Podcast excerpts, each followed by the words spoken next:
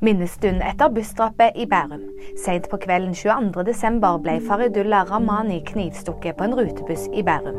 I dag fredag var det minnestund for 26-åringen, og han ble gravlagt på Steinskogen gravlund, begge steder i Bærum. Minst 21 507 personer er drept i krigen. I tillegg er nesten 56 000 palestinere skada i angrep på Gazastripen siden starten av oktober. Det viser nye tall fra Helsedepartementet i det Hamas-kontrollerte området. Det er uenighet rundt tapstallene, da noen mener at de er overdrevet. Dette er FN uenige i.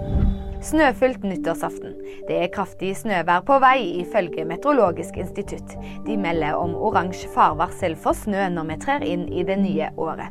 Det forventes å komme mellom 20 og 50 cm på Sør- og Østlandet. Nyheter finner du alltid på VG.